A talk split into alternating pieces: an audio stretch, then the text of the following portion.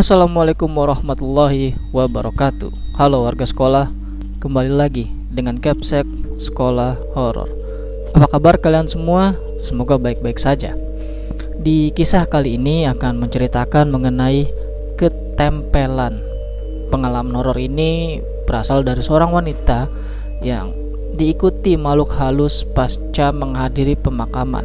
Jadi beliau itu sedang menstruasi cerita ini bersumber dari akun Twitter @rianfrdnt. Sebelum kalian mendengarkan cerita ini, Capsek akan berterima kasih untuk like, share, dan komen kalian di video ini. Lanjut saja.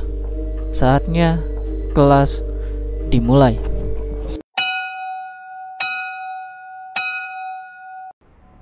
Sebelumnya, gue mau bilang bahwa ini adalah cerita dari seorang sahabat yang tidak mau disebutkan namanya karena satu dan hal lain.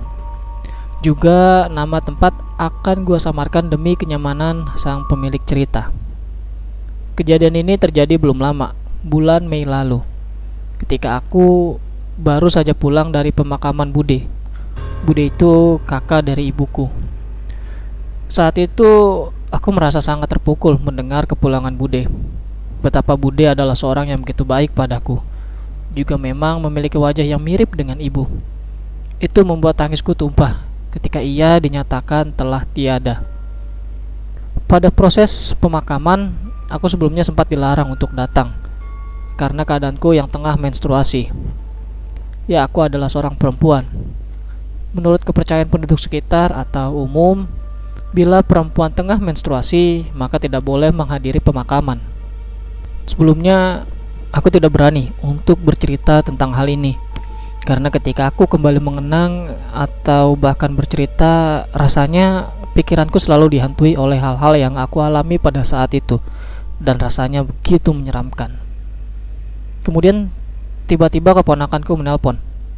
Katanya ia sedang membaca tweet-tweet yang dibuat oleh Rian dan katanya dia berasal dari kota yang sama denganku. Aku mencoba menghubungi Rian melalui Twitter dan dengan sangat open ia menerima segala cerita yang aku utarakan kepadanya. Setelah kepulang dari pemakaman, pundakku terasa sangat begitu berat. Samar-samar, kulihat dalam pandangan ada sepasang bola mata merah yang melotot kepadaku. Aku mencoba untuk memalingkan pandangan darinya. Kemudian, kepalaku terasa begitu pusing. Badanku rasanya begitu sakit, panas, dan terasa tidak karuan. Aku mencoba merebahkan diriku di atas kasur. Ibuku menghampiriku seraya bertanya, Kenapa? Kamu kenapa?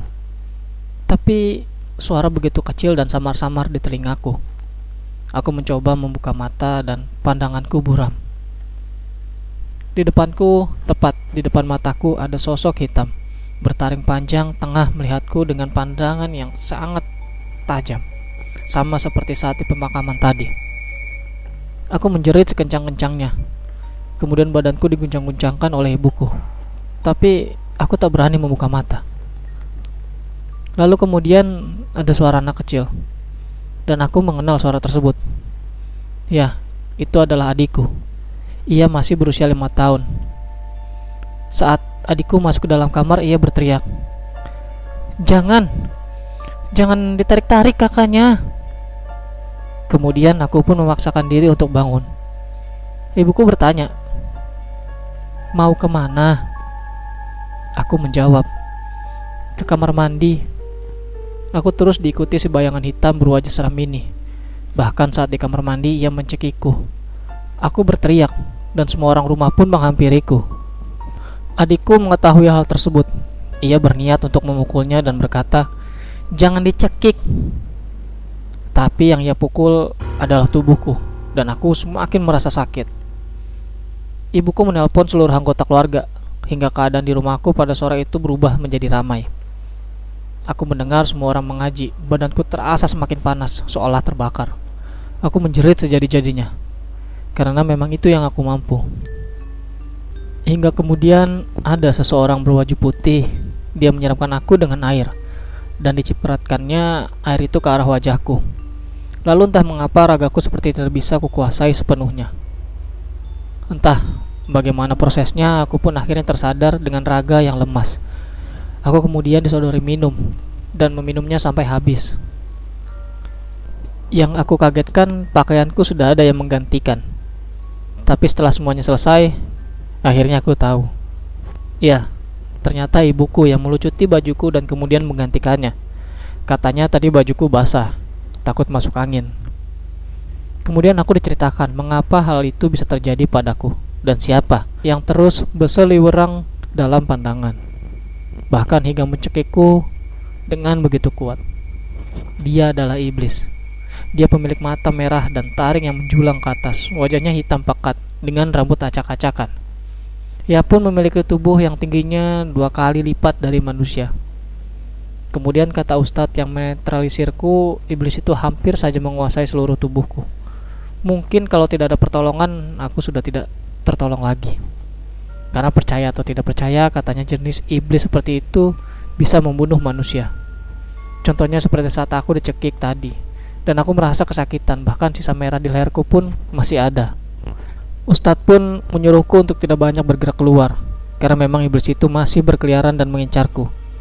Aku yang tengah menstruasi mudah dicium keberadaannya oleh iblis tersebut. Jangan sampai kejadian itu terjadi lagi, karena bisa saja lebih bahaya dari kejadian yang aku terima saat pertama kali.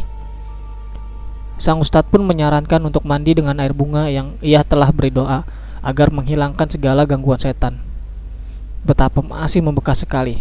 Bahkan saat memandang ke arah kegelapan pun aku seperti seolah merasakan kehadiran sosok makhluk astral ia tengah melihatku di balik kegelapan tersebut. Mata merah yang melotot, taring yang panjang, rambut yang acak-acakan, semuanya berkumpul dalam ingatan. Aku tahu mereka ada, dan aku tahu mereka ada di sekeliling kita, dan baru kali ini ada kesempatan untuk bercerita. Alhamdulillah, sekarang aku mampu melanjutkan hari-hariku seperti biasa. Dan buat kalian Terima kasih telah bersedia untuk mendengarkan ceritaku.